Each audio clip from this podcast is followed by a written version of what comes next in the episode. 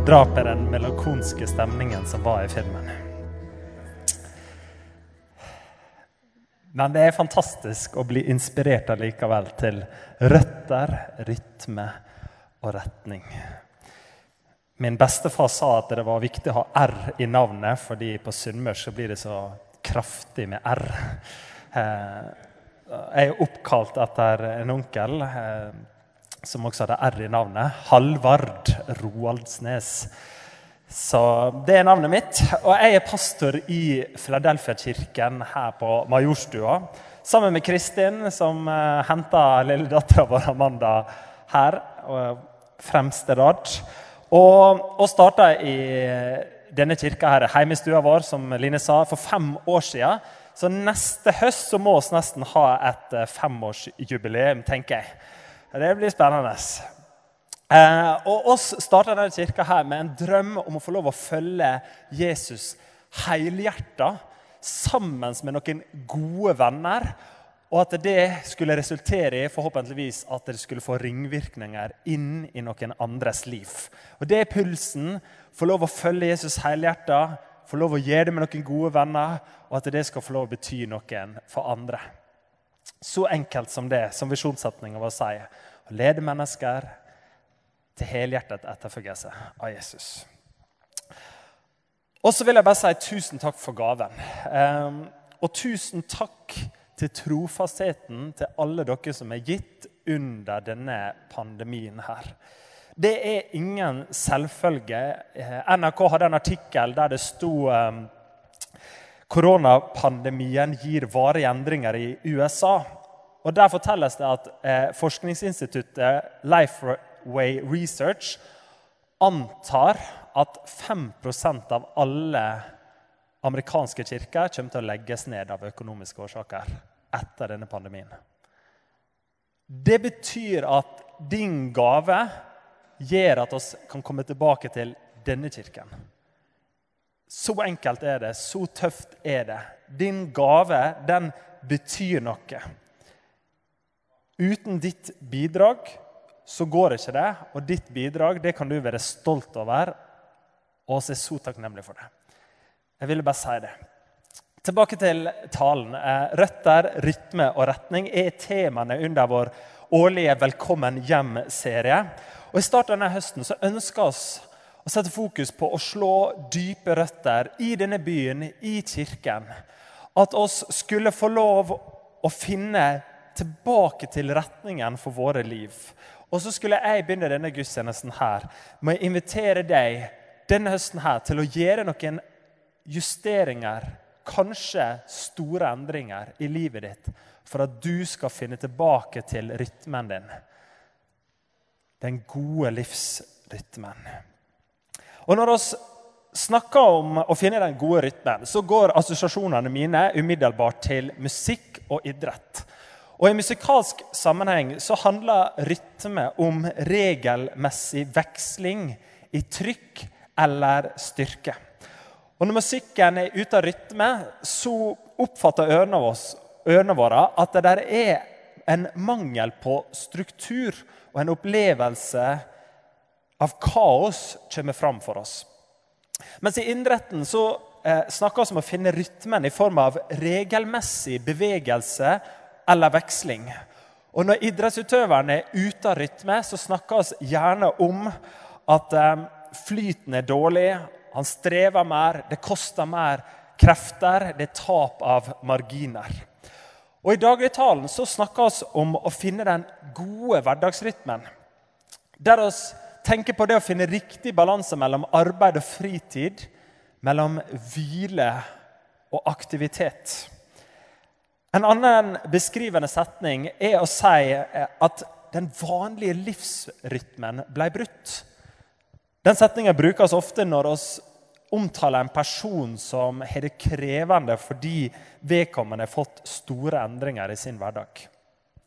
Vi snakker også om å ha et høyt eller lavt tempo, avhengig av aktivitetsnivået til noen. Og snakker om å finne rytmen. Å finne rytmen handler med andre ord om å finne en form for regelmessighet i livsmønsteret vårt. En balanse mellom livets ulike deler og et tempo som passer ens livssituasjon. Men å komme ut av rytme, det innebærer en følelse av kaos. En større belastning, å streve mer, å komme ut av fysisk, psykisk og åndelig balanse. Og Jesus han inviterer meg og deg til å finne den gode rytmen for livet vårt hos han. Og skal høre disse her vakre ordene, denne fantastiske invitasjonen fra Jesus sjøl i Matteus 11, vers 28-30.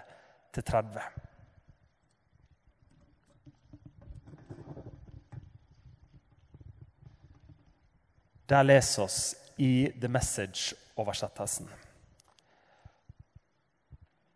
Are you tired, worn out, burned out on religion? Come to me. Get away with me, and you'll recover your life. I'll show you how to take a real rest. Walk with me and work with me. Watch how I do it. Learn the unforced rhythms of grace. I won't lay anything heavy or ill fitting on you. Keep company with me, and you'll learn to live freely and lightly.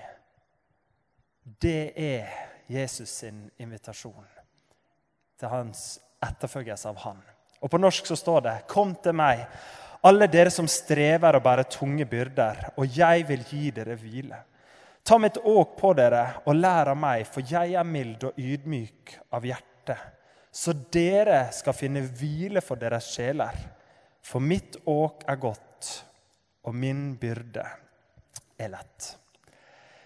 I løpet av de neste minuttene så har jeg lyst til å prate om det Jesus og den kristne tradisjonen lærer oss om hvordan oss kan finne den gode rytmen i livet vårt.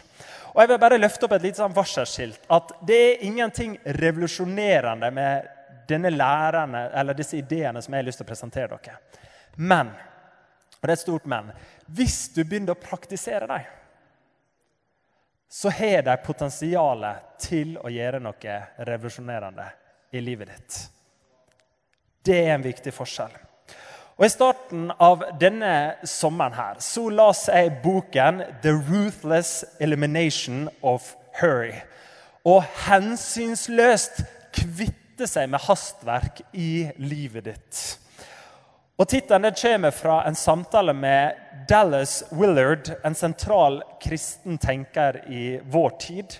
Og Han mente at hastverk er en av vår tids største trusler for vårt åndelige og emosjonelle liv. Fordi hastverk gjør at oss ikke klarer å komme i kontakt med oss sjøl. Vi klarer ikke å komme i kontakt med omverdenen, med andre, og heller ikke med Gud. Vi mister vår tilstedeværelse fordi vi er allerede på vei til et nytt sted. Derfor må vi hensynsløst kvitte oss med hastverk i våre liv. Og etter å ha lest boken så stiller jeg meg fullt og helt bak påstanden om at hastverk er en svært ødeleggende faktor i livet ditt og mitt, og at det skader ditt gudsforhold. Og Jeg fikk boken anbefalt av en god venn som har en i overkant krevende jobb og et ellers hektisk liv. Og det var ikke tilfeldig at jeg fikk anbefalt den boken. Fordi jeg også har hatt det altfor hektisk. Og jeg er sliten. Jeg er sliten. Jeg er ikke, fortid. Jeg er sliten. Og jeg kan føle at det han, Jeg leste en annen bok eh, under korona med mm, 'Kunsten å forme livet'. Han snakker om personlighetsutmattelse. At det er når du ikke sover nok, når du ikke har hvilt nok, når du ikke har, fått ro nok, så mister du litt deg sjøl. Og du er ikke helt deg sjøl. Du blir raskere sint, du blir fortere lei deg, eh, du blir mindre konsentrert. Alle disse tingene, alle disse følelsene det kan jeg kjenne på. Jeg kan våkne opp og ha fantastisk, og så haster jeg meg gjennom dagen. Og så på slutten av dagen så kjenner jeg at det der er ikke nok krefter igjen. Og vi har ulike kapas, ulik kapasitet. Så mitt liv eh, Jeg kan ikke følge etter andres liv. Vi må finne vår egen livsrytme. Og vi har ulik kapasitet, men jeg har opplevd Kirken og rollene på jobben min har utvikla seg raskere enn det jeg har klart å vokse inn i det. Så jeg har alltid hengt etter. Og i perioder så har jeg prøvd å jobbe kjempemasse. Og det har slitt på sjelen. Og så har vi prøvd å begrense antall timer vi jobber. Men konsekvensen er at vi har måttet jobbe hardere, mer effektivt, droppe lunsjen, den gode praten, haste fra møte til møte, fra arbeidsoppgave til arbeidsoppgave, så være så sliten når kommer hjem fra jobb at overskuddet til å finne på ting i fritiden forsvinner. Jeg trives i arbeidsgavene mine når jeg snakker med kona mi. Jeg elsker det. Jeg syns det er gøy å skrive preken. Jeg liker å treffe folk, jeg liker å sitte i møter, jeg liker å jobbe med administrative ting, jobbe med bestillinger, forhandle kontrakter her, eh, være og møte lederne mine, planlegge strategi. Jeg trives i alt. Seriøst, jeg elsker denne jobben min. Men jeg haster. Og jeg vet ikke om du har lagt merke til det, at hast dreper gleden ved ting. Jeg får på en måte ikke tid til å være til stede i oppgaven og glede meg over den. For det blir bare noe jeg må bli ferdig med før jeg skal videre på noe annet. Fordi jeg haster. Fordi det er for masse i rytmen min. Og I dialog med Kristin og mine ledere, mentorer, venner, så har jeg forsøkt å finne en bedre måte å leve på. Og jeg er langt ifra i mål ennå. Fordi omstrukturering, det tar tid. Det er selvfølgelig fristende å slutte. Ansvarsforskrivelse fra jobben, rollen som ektefelle, som pappa. Bare skrive fra seg ansvaret, noen andre får ta det. Men det er ikke så enkelt i dette livet. Det krever tid med omstrukturering. Og Jeg vet ikke om du kan treffe det igjen, men jeg vil bare allerede utfordre deg her. Hvis du kan kjenne det litt igjen, Begynn dialogen nå. Ikke tenk at det bare skal ordne seg. Ikke bare vent. Men før du begynner å nærme deg ordentlig sliten, ta tak i det. Endre på ting. Begynn dialogen. Men ikke forvent, hvis du ønsker å være et ansvarsfullt menneske, at du alltid kan bare slenge fra deg alt. Det er iallfall, Av og til må vi gjøre det. det er sånn livet er. Men det beste er om du kan begynne det tidligere. Jeg har likevel gjort en god del justeringer som jeg har erfart livgivende. Og jeg har lært masse på reisen om å finne en god rytme. Og jeg tror at det, masse av det jeg har lært underveis, funker. Men jeg har ikke klart å få praktisert alt ennå. Men jeg vil dele noen av de tinga med deg. Og Den første overskriften jeg har satt, det er 'hvile fra arbeidet' og 'hvile i arbeidet' arbeidet. For en av de tingene jeg har lært, det er at han trenger ikke bare hvile fra arbeid, men han trenger også like mye hvile i arbeidet. Utbrenthet er den mest utbredte en av de iallfall, mest utbredte folkesykdommen i vår tid. Og den rir oss som en moderne mare. Jeg lærte for øvrig på huskestua at det er en mare, en kvinnelig demon, som la seg på brystet og ga mareritt og alt mulig. Så jeg bare what? Så jeg sa, skal jeg opprettholde den moderne mare? Men det er iallfall noe som ødelegger for oss. En folkesykdom som rir oss som en moderne mare. Og Årsaken er det vi kan kalle sjelens overbelastning. For jeg tror ikke eller jeg tror ikke nødvendigvis at det er arbeidsmengden i seg sjøl som er årsaken til utbrenthet. Her kommer dette med hvile i arbeid. For målt i tid så arbeider oss neppe mer enn tidligere generasjoner. Snarere tvert imot. Men vi er likevel mer opptatt, vi har mindre tid, og vi er betydelig mer på farten. I dag skal vi gjerne få til masse på jobb eller studier, ha en aktiv fritid, pleie mange vennskap, oppleve noe i helgene, og så ta vare på tingene våre. Og innimellom alt det der så marineres tiden vår med en digital tilstedeværelse gjennom våre smarttelefoner. Og I motsetning til tidligere generasjoner så er vår tilværelse mye mer fragmentert. Den har så mange deler, den er oppstykka.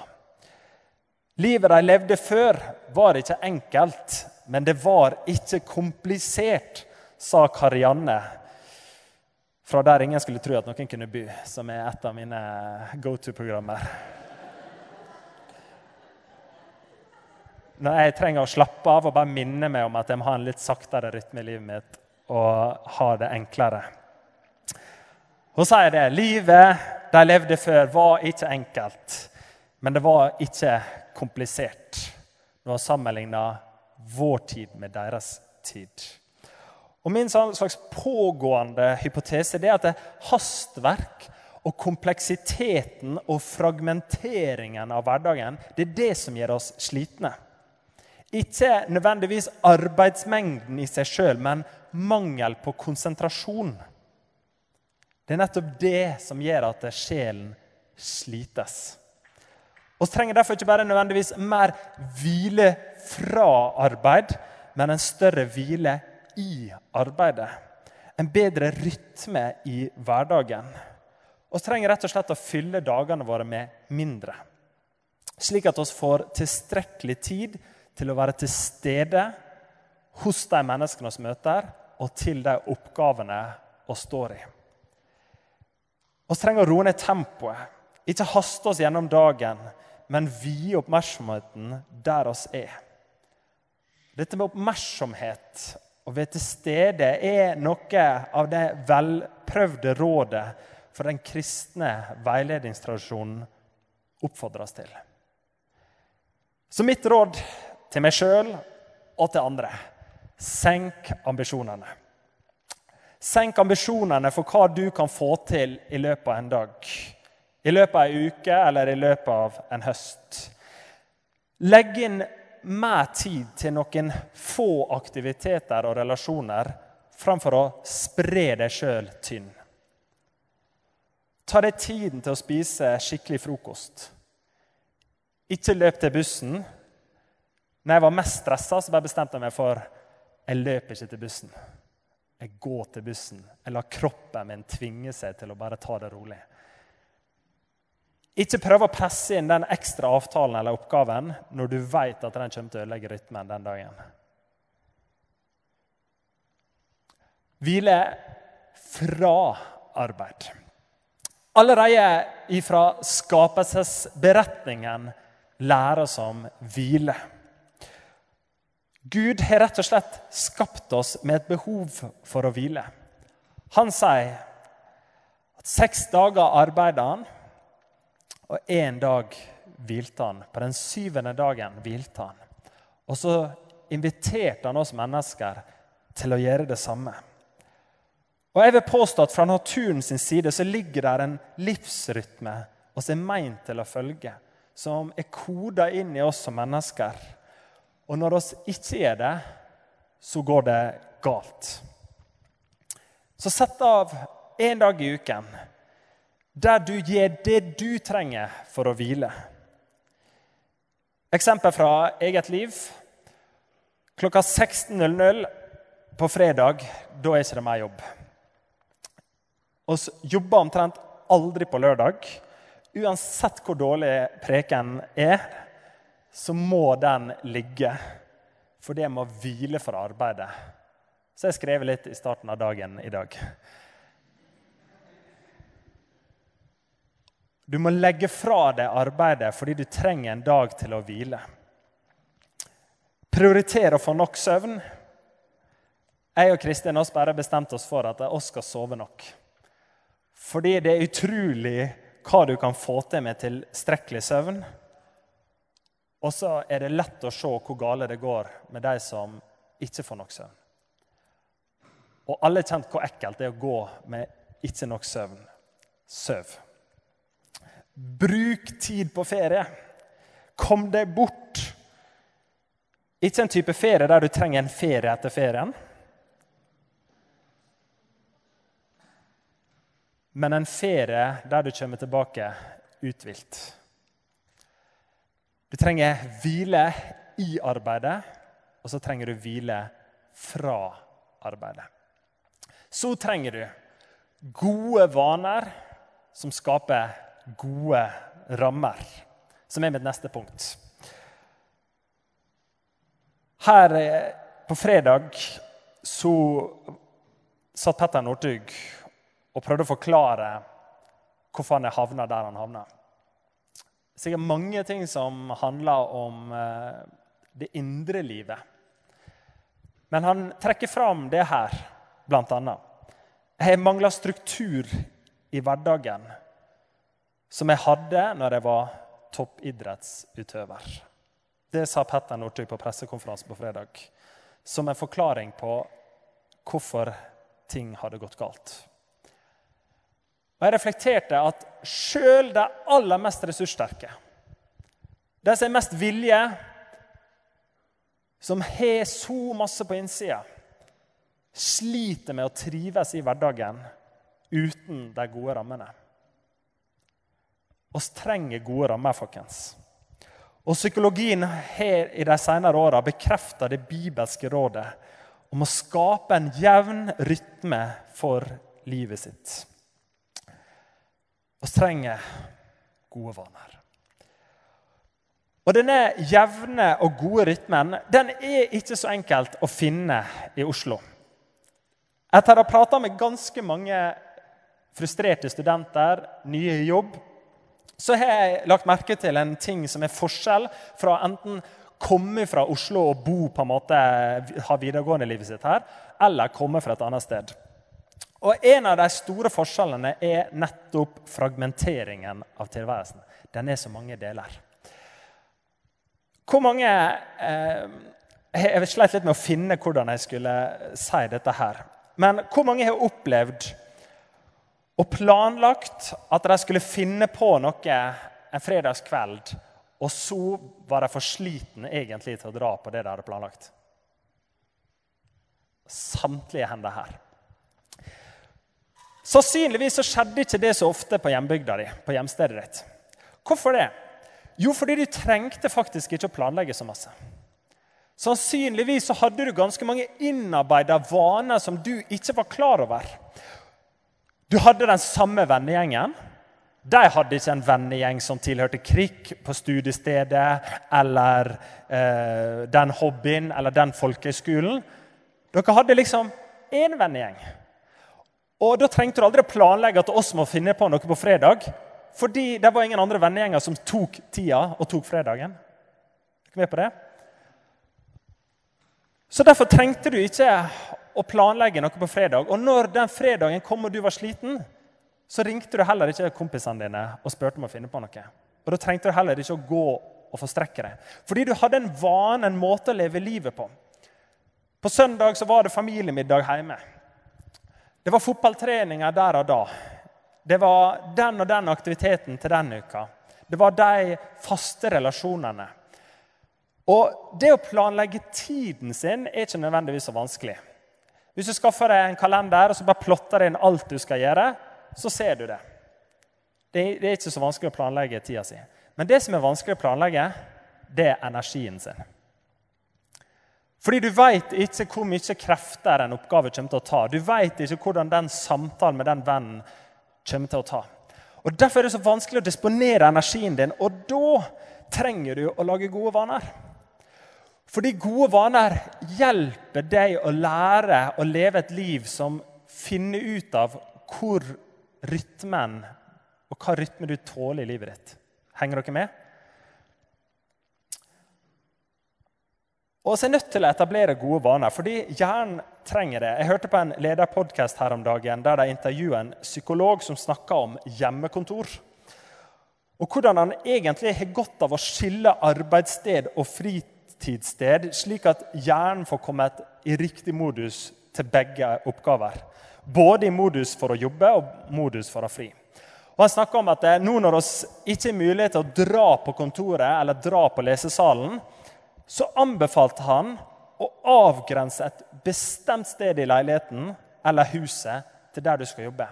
Her skal jeg sitte til dette tidspunktet. Jeg skal ha lunsj da, og da er arbeidsdagen min ferdig. Det handler rett og slett om å hjelpe hjernen. For hjernen den skaper forventninger til ulike typer aktiviteter for ulike tider og rom. Hjernen vår den lærer å gjenkjenne mønsteret i hverdagen vår. Derfor har vi så godt av en god rytme.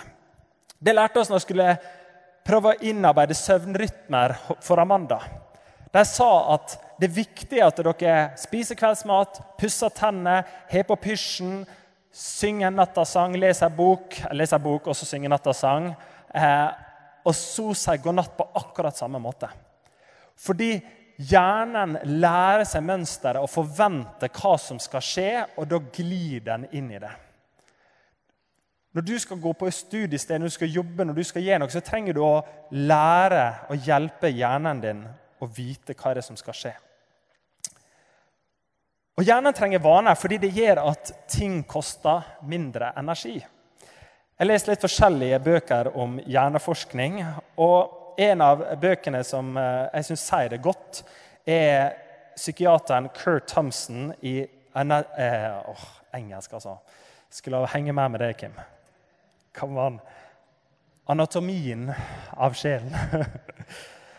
Og han sier synaptisk plastitet er et av hjerneforskernes begrep for at øvelse gjør mester.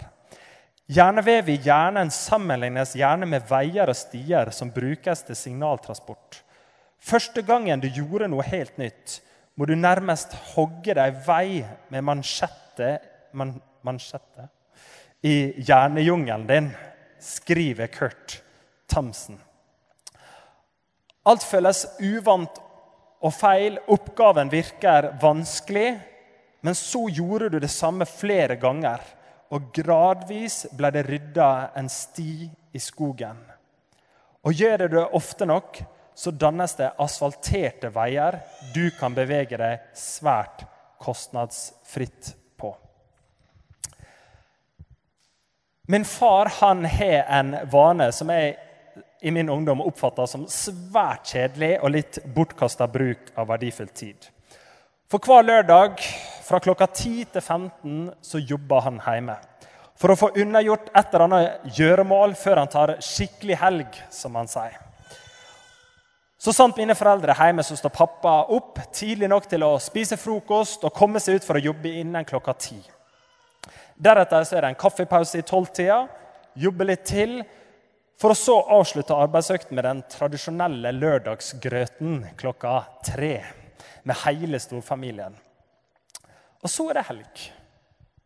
Og før jeg sjøl fikk flere forpliktelser og gjøremål som faktisk må utføres, så var det en sjølfølge for den livsnyteren jeg er, at hele lørdagen må nytes. Han må jo benytte fritida til å nyte livet. Men i seinere tid så har jeg fått kjent på den lave viljen og motivasjonen til å få unnagjort slike ting på heimebane. Og den litt sånn kjipe følelsen av å ha ting hengende over seg. Og da har jeg tenkt at kanskje pappa ikke var så dum med å ha en fastsatt tid i kalenderen for å få gjort slike ting. Og Jeg prøvde å kopiere den, men ikke på lørdag, for den skal nytes til å nyte livet. Men onsdager, f.eks., det er ganske bra. Kanskje trenger du å legge til noen nye vaner. Jesus hadde også vaner, fastsatte tider i kalenderen som hjalp han til å arbeide, hvile og be. Lukas skriver Jesus kom også til Nasaret, hvor han var vokst opp. Og på sabbaten gikk han inn i synagogen, slik han pleide. I livet vårt til meg og Kristin så har vi bestemt oss for å gå på kirken på søndag, og se smågrupper annenhver uke. Vi forsøker å jobbe primært fra åtte til fire og ha kveldsarbeid med frivillige nesten utelukkende kun tirsdagskveld.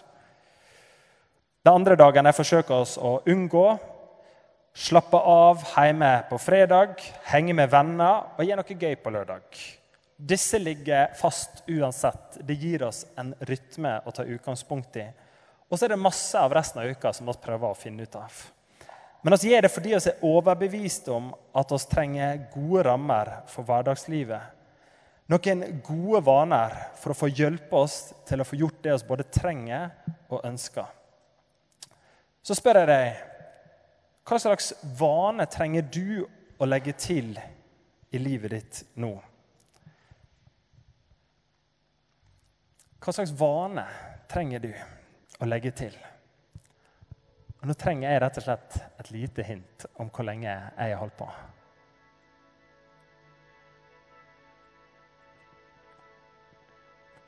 minutter. Vi prøver å ha en ambisjon i kirka om å prøve 25, men e- etter korona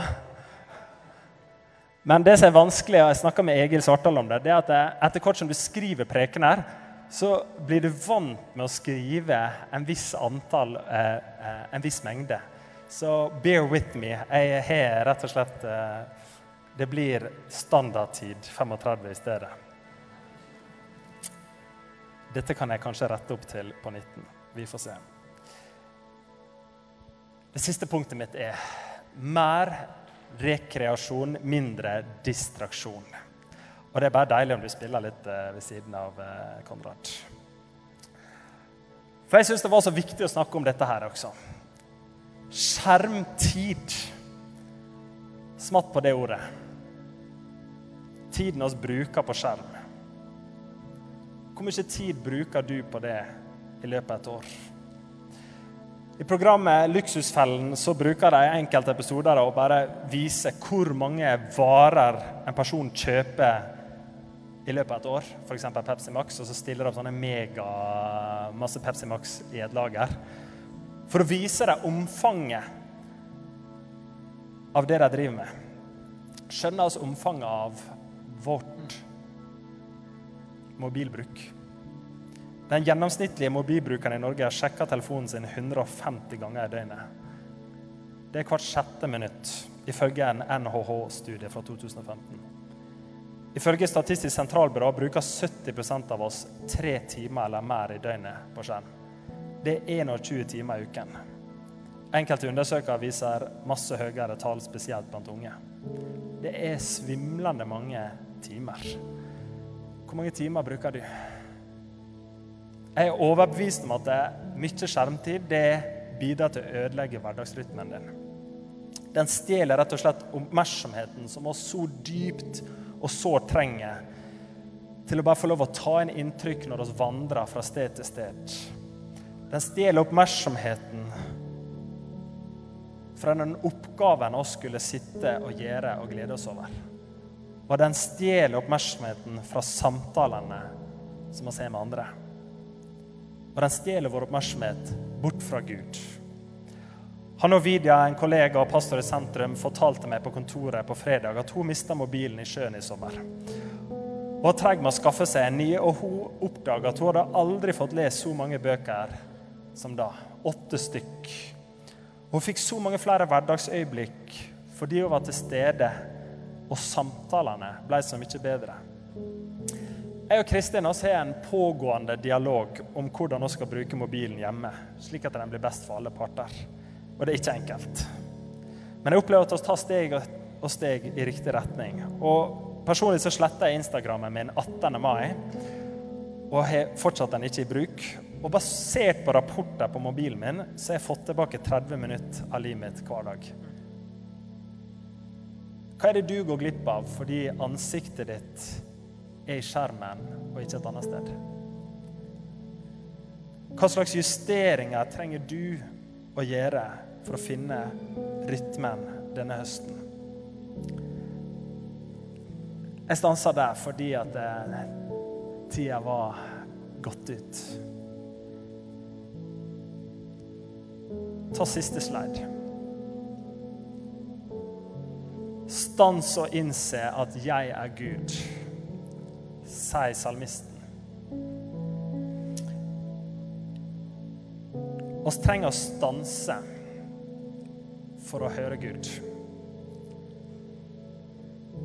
Og det trenger vi stille. Det trenger ikke vi stille, men det trenger vi stille inni oss. Vi kan ikke være løpende fra et sted til sted, men vi må få lov å stanse. Og Når du stanser, så kommer du til å oppleve at Gud han er med deg.